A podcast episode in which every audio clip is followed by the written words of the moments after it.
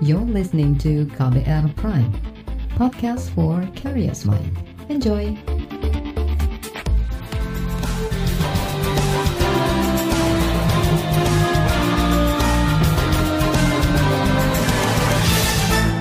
Disiarkan langsung dari studio kantor Berita Radio di Jakarta. Inilah KBR sore untuk hari ini, 15 Desember 2021. Halo saudara, apa kabar Anda sore hari ini? Kembali, KBR sore siap untuk menjadi teman Anda. Dan selama kurang lebih 30 menit ke depan, saya mau ajak Anda untuk mengulas aturan perjalanan dari luar negeri menjelang libur akhir tahun.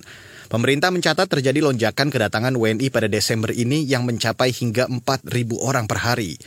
Tingginya mobilitas tersebut terjadi di tengah ancaman virus COVID-19 varian Omikron yang sudah ditemukan di puluhan negara dan terindikasi menyebar jauh lebih cepat daripada jenis mutasi sebelumnya. Apakah pemerintah perlu menerapkan aturan lebih tegas untuk membatasi pelaku perjalanan masuk dan keluar negeri untuk mencegah masuknya varian Omikron ke tanah air? Bersama saya Reski Mesanto, kita bahas selengkapnya di KBR sore. Saudara, pemerintah mengklaim terus berusaha mencegah masuknya virus corona varian Omikron ke Indonesia. Varian ini diduga punya kemampuan menyebar lebih cepat dari varian Delta. Wakil Ketua Komite Penanganan COVID-19 dan Pemulihan Ekonomi Nasional Luhut Binsar Panjaitan mengatakan, pemerintah telah membuat sejumlah kebijakan termasuk aturan perjalanan dari luar negeri. Luhut mengklaim selama hampir lima bulan ini, kasus COVID-19 di Indonesia masih landai dan tidak menunjukkan peningkatan signifikan sampai akhir tahun ini. Namun ia meminta masyarakat tidak lengah dan menahan diri tidak melakukan perjalanan ke luar negeri. Kita tidak boleh jumawa, tapi sampai hari ini kita memang masih dalam level 1 dan kita saya masih confidence, tapi semua harus kerjasama Makanya kita himbau, tadi nggak usah dulu libur-libur ke luar negeri dulu deh, supaya jangan bawa penyakit ke dalam negeri. Ini masih banyak tempat-tempat liburan di Republik ini yang bisa kita kunjungi. Dan itu sudah kami minta hotel-hotel semua pada dibukain. Perjalanan juga kita coba bangun dan saya mohon media, teman-teman juga mensosialisasikan ini pada masyarakat kita. Nanti jangan datang dia kena apa namanya karantina 10 hari ngomel-ngomel. Nah, dia harus 10 hari karantina. Itu kita pastikan orang yang dapat libur keluar, kita pastikan dia akan dapat 10 hari. Kita tidak mau negeri kita ini dicederai, dicemari oleh uh, COVID yang lain gara-gara kita sendiri tidak disiplin. Sekali lagi, dan kemarin ada upaya-upaya melarikan itu kita akan langsung ceburin aja masuk ke dalam karantina terpusat. Ya kalau tidak mau di hotel, ya kita bikin di karantina lain yang kita betul-betul pastikan bahwa itu aman. Jadi kita ada apa namanya menghitung resiko dengan data yang ada. Jadi kita tidak mau mengorbankan apa yang sudah uh, apa lelah, capek, pengorbanan besar selama berapa bulan ini rusak hanya gara-gara kita tidak disiplin. Selain mencegah warga keluar negeri, pemerintah juga memperketat pintu-pintu masuk atau jalur-jalur kedatangan internasional, baik jalur darat, laut, maupun darat. Menteri Kesehatan Budi Gunadi Sadikin mencatat pelaku perjalanan internasional paling banyak tiba melalui jalur udara di Bandara Soekarno-Hatta. Seluruh pelaku perjalanan internasional yang masuk Indonesia diwajibkan menjalani tes PCR. Itu masuk udara paling besar masuknya lewat Cengkareng.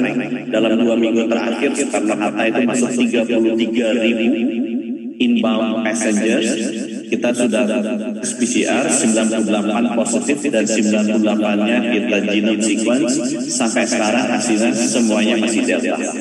Selain tes PCR, pemerintah juga menerapkan aturan berlapis termasuk karantina. Ketua Bidang Penanganan Kesehatan di Satuan Tugas Penanganan COVID-19 Alexander Ginting mengatakan, aturan berlapis seperti testing, screening, serta karantina harus benar-benar dipatuhi untuk mencegah masuknya varian Omikron dari luar negeri karena ini adalah masalah global health security, di mana penyebaran itu bisa cepat meluas oleh karena mobilitas yang tinggi, termasuk juga melalui pesawat terbang, maka pemerintah tentu harus menjaga bordernya. Mm. Jadi menjaga daerah daerah-daerah perbatasan yang kemungkinan besar bisa dimasuki oleh orang-orang yang datang dari negara terjangkit ataupun negara-negara yang memang sudah ditemukan kasus sehingga terjadilah penularan yang secara tidak langsung ke Indonesia. Ini yang harus dicegah. Oleh karena itu, pemerintah dengan melalui surat edaran Satgas COVID-19 telah melakukan uh, update dalam protokol kesehatan bagi perjalanan luar negeri. Salah satu update-nya itu adalah dengan menambah lamanya uh, karantina menjadi 10 hari. Mm-hmm. Kita pernah karantina tiga hari, kemudian pernah dua lima hari, pernah 8 hari, dan sekarang 10 hari. Tapi bagi warga negara Indonesia yang datang dari negara terjangkit, maka ini 14 hari. Dan warga negara asing dari negara terjangkit, ini visanya ditolak dulu. Dan ini harus dilaksanakan dan tidak boleh tawar-menawar.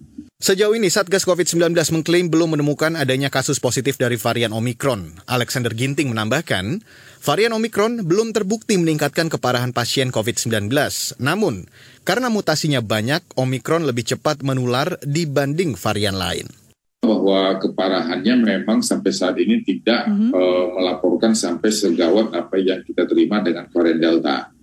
Yeah. Dan klinisnya ini uh, lebih ringan, tetapi penularannya cepat. Hanya yang menjadi model adalah bahwa Afrika adalah negara yang di mana uh, tingkat vaksinasinya masih rendah oleh karena ketersediaan vaksinnya juga sedikit. Dan kemudian di mana juga daerah tersebut dilanda penyakit kronis yang imunitasnya menurun misalnya HIV ataupun tuberkulosis. Dan ini bisa kita bedakan dengan kejadian di India di mana India varian Delta ataupun Delta Plus dengan populasi yang banyak dan kulturnya adalah banyak dengan masyarakat di lapisan bawah sehingga terjadi juga kasus yang begitu meningkat pada saat-saat di bulan 4 bulan 5 tahun lalu. Jadi ini yang harus kita pertimbangkan antara Delta dan kemudian dengan Omikron. Sampai saat ini Omikron lebih banyak menyerang usia muda mm-hmm. daripada uh, varian Delta yang banyak menyerang dewasa ke usia lanjut. Saudara, itu tadi Ketua Bidang Penanganan Kesehatan Satgas COVID-19, Alexander Ginting. Baiklah, kita jeda sejenak dan setelah jeda akan saya hadirkan laporan khas KBR mengenai celah-celah pelanggaran pada aturan bagi pelaku perjalanan internasional. Tetaplah di KBR Sore. You're listening to KBR Pride, podcast for curious mind. Enjoy!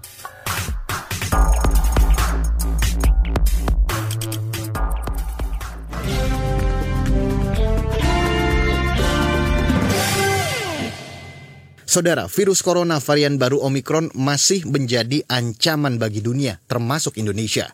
Pemerintah memperlakukan aturan ketat protokol kesehatan, termasuk karantina bagi siapa pun yang baru datang dari luar negeri. Namun implementasi dan pengawasan karantina tak semulus yang dibayangkan. Berikut saya hadirkan laporan khas KBR yang disusun jurnalis KBR Astri Septiani. Pemerintah belum lama ini menerapkan aturan bagi para pelaku perjalanan dari luar negeri yang masuk ke Indonesia, di antaranya karantina bagi para pendatang.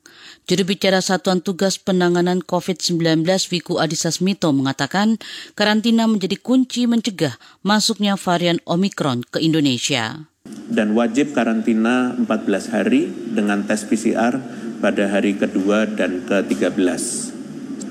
Sementara pelaku perjalanan internasional yang berasal dari negara lainnya wajib menyertakan tes PCR 3 kali 24 jam sebelum kedatangan, melakukan tes PCR di hari kedatangan, serta karantina selama 10 hari dengan tes PCR pada hari kedua dan ke-9. Kebijakan karantina adalah kunci pencegahan importasi kasus yang harus dipatuhi bersama oleh seluruh lapisan masyarakat dengan penuh kedisiplinan. Namun ada pengecualian aturan bagi orang-orang tertentu seperti pejabat eselon 1 ke atas boleh menjalani karantina mandiri setelah menyelesaikan tugas kedinasan dari luar negeri. Namun beberapa hari ini ramai isu anggota DPR fraksi Gerindra, Mulan Jamila dan keluarganya yang dikabarkan tidak melakukan karantina sepulang dari Turki. Wakil Menteri Kesehatan Dante Saksono mengatakan setiap orang yang baru datang dari luar negeri wajib menjalani karantina sesuai aturan tanpa kecuali. Berlaku untuk semua warga negara Indonesia yang melakukan perjalanan dan warga negara yang masuk ke wilayah Indonesia. Bahkan sekarang pun Pak Menteri Kesehatan yang baru pulang dari Cina itu sudah melakukan karantina kesehatan selama 10 hari. Jadi tanpa pengecualian. Tidak ada pengecualian untuk seluruh warga negara, baik asing maupun Indonesia, yang baru berpergian dari luar negeri harus mengalami menjalani karantina selama 10 hari. Sebelum kasus Mulan Jamila, ada artis Rahel Fenya yang diduga melanggar protokol kesehatan kekarantinaan sepulang dari luar negeri. Dia dikabarkan menyuap 40 juta rupiah kepada pihak dalam tanda kutip Satgas agar tidak menjalani karantina sesuai ketentuan selama 8 hari. Dia pun diadili di Pengadilan Negeri Tangerang, Banten. Tim Jaksa Penuntut Umum Kejaksaan Negeri Tangerang menuntut Rahel Fenya hukuman 4 bulan hukuman percobaan. Kebijakan pemerintah soal karantina banyak mengundang sorotan karena dinilai berubah-ubah dan tidak satu suara sehingga membingungkan masyarakat. Pengamat kebijakan publik Trubus Rahardiansyah menilai tumpang tindih informasi tersebut bukti dari kurangnya koordinasi pemerintah. Dia menyebut aturan karantina menjadi multitafsir dan membuka celah menciptakan pelanggaran. Mengindikasikan bahwa buruknya komunikasi di, di, mas, di pemerintah sendiri yang menyebabkan aturan tentang karantina ini tidak dipahami oleh masyarakat. Aturan ini membuka celah, membuka, celah atau ruang untuk terjadinya penyimpangan-penyimpangan gitu. Di mana kemudian kewajiban 10 hari, 10 hari ya, 10 hari untuk karantina itu itu dipahami secara berbeda Eh, dalam penegakannya itu jadi membingungkan gitu. Trubus Rahardiansyah juga menyoroti lemahnya pengawasan dan penindakan terhadap terduga pelaku pelanggar karantina. Dia meminta pemerintah memperbaiki penerapan kebijakan karantina, sekaligus membenahi penyampaian informasi kepada masyarakat.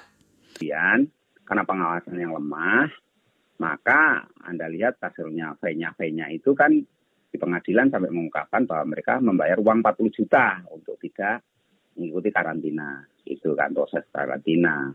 Nah, jadi ini memang mengindikasikan di dalam pelaksanaan atau implementasi kebijakan karantina itu masih banyak celah-celah hukum dan dimanfaatkan oleh oknum-oknum tertentu untuk mencari kepentingan sendiri gitu loh, itu untuk kepentingan dirinya gitu. Jadi ini yang menyebabkan kemudian penanganan COVID itu karena ini kan konteksnya kan penanganan COVID, jadi penanganan COVID-nya makin tidak jelas gitu. Trubus meminta agar informasi mengenai karantina dilakukan pemerintah melalui satu pintu, sehingga tidak ada lagi tumpang tindih informasi yang berujung celah baru bagi pelanggar karantina. Laporan ini disusun Astri Septiani. Saya Fitri Anggreni. Saudara, anggota Dewan Perwakilan Rakyat meminta pemerintah untuk menerapkan kebijakan aturan perjalanan internasional dengan memacu pada kondisi penularan COVID-19 secara global. Bagaimana usulan konkret DPR untuk mengantisipasi masuknya Omikron? Selengkapnya sesaat lagi. Tetaplah di KBR sore. You're listening to KBR Pride, podcast for curious mind. Enjoy.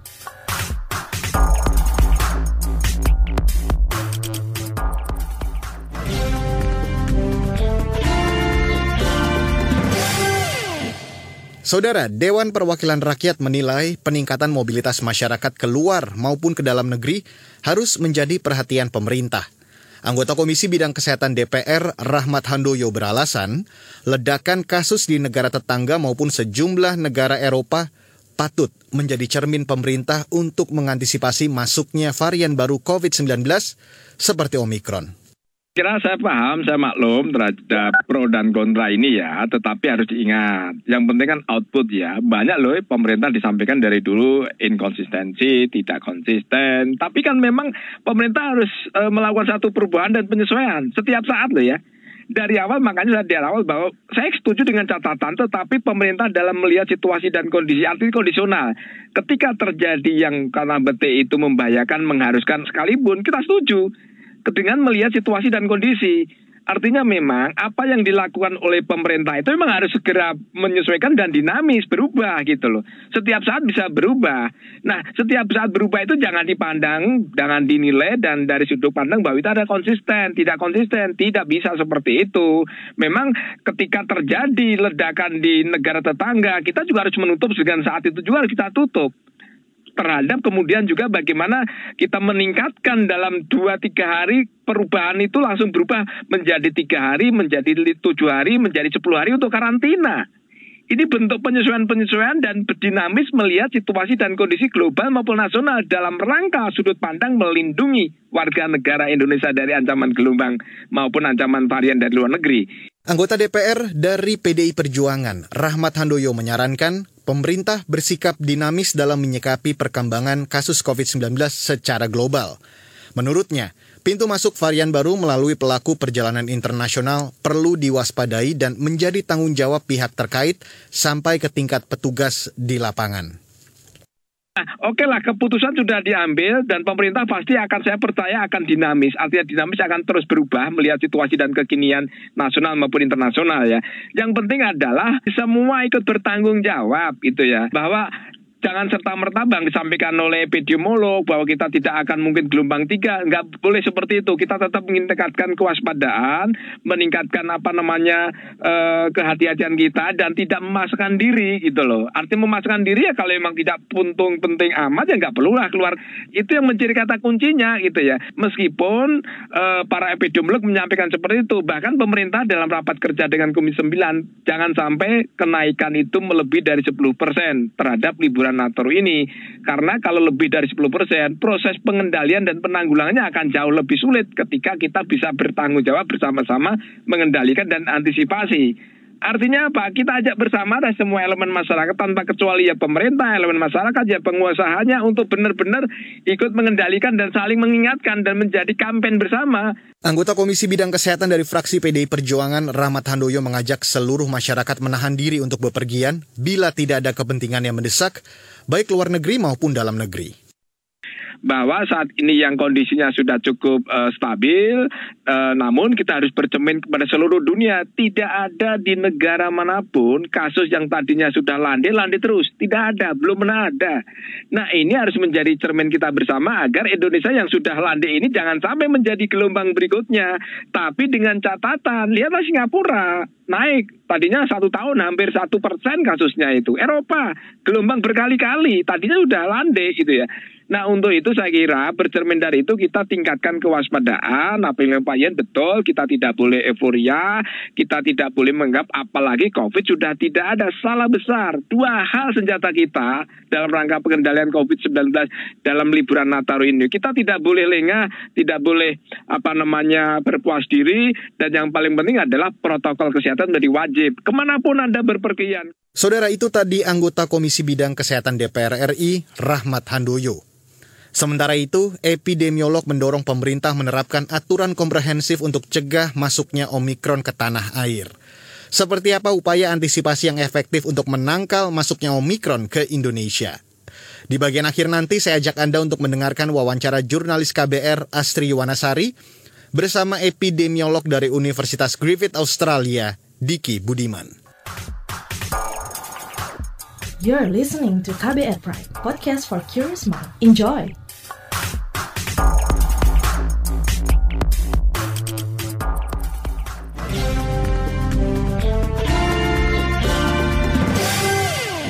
Pemerintah diminta konsisten dalam menerapkan aturan pengetatan pintu masuk internasional dalam menghadapi penyebaran varian baru COVID-19 Omicron.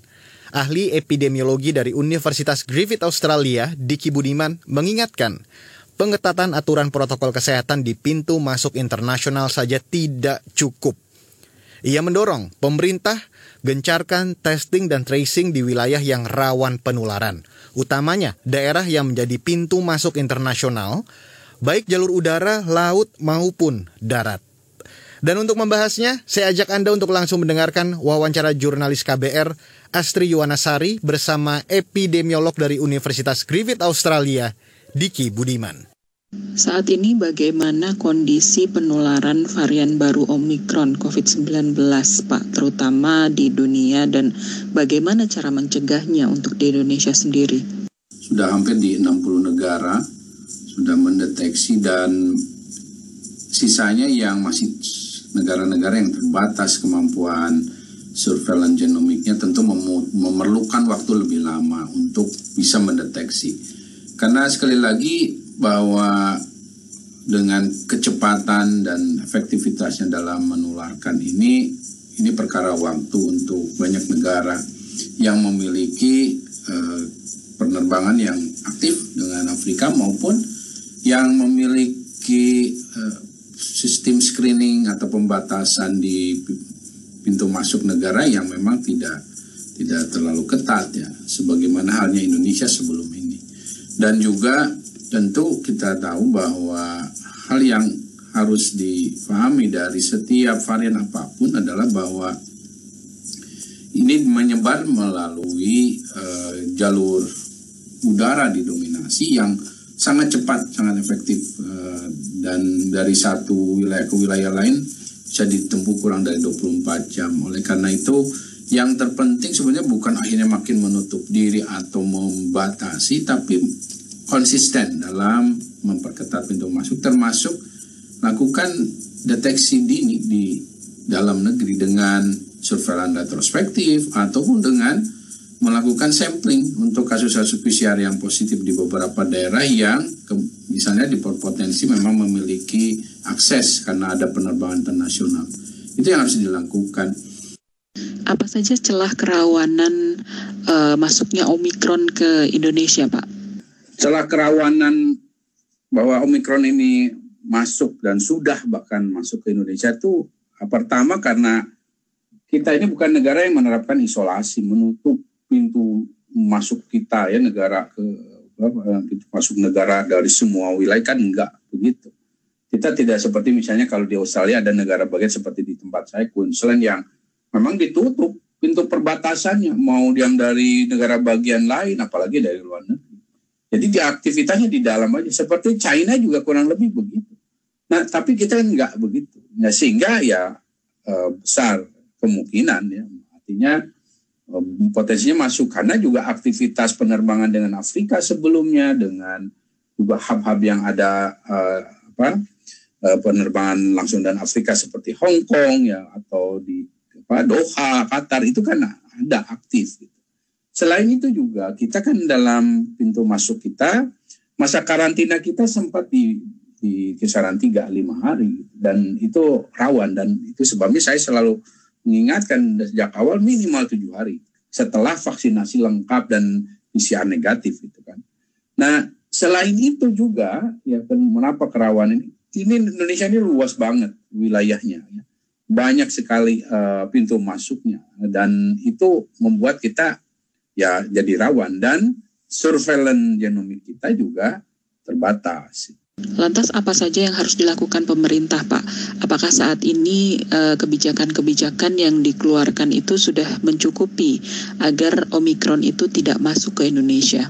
Saat ini kita harusnya melakukan apa yang disebut dengan surveillance retrospektif ya, dengan juga adanya tiga t yang kuat deteksi dini. Itu ibarat kita punya radar dan juga ada operasi itu patroli. Ini yang harus dilakukan kombinasi dari semua ini dan ini masih kurang, masih kurang sekali. Dan oleh karena itu jangan kaget kalau kita ini menemukannya karena memang gap legnya, time legnya itu ada 3 sampai 7 bulan baru ketemu kita itu rata-rata varian-varian dan kalau sudah ketemu umumnya sudah banyak di masyarakat. Saudara itu tadi wawancara jurnalis KBR Astri Yuwanasari bersama epidemiolog dari Universitas Griffith Australia Diki Budiman. Dan ini juga sekaligus menutup KBR sore untuk hari ini 15 Desember 2021. Terima kasih untuk Anda yang sudah bergabung sore hari ini dan jangan lupa untuk selalu menerapkan protokol kesehatan di mana pun Anda berada. Kurangi mobilitas, hindari kerumunan, dan tetap gunakan masker bila Anda berada di ruang publik. Saya Reski Mesanto mewakili tim redaksi bertugas sore hari ini. Kami undur diri dari KBR Sore. Salam.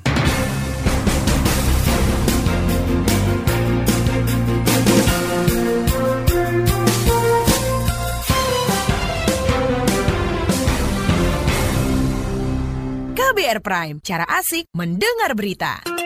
KBR Prime podcast for curious mind.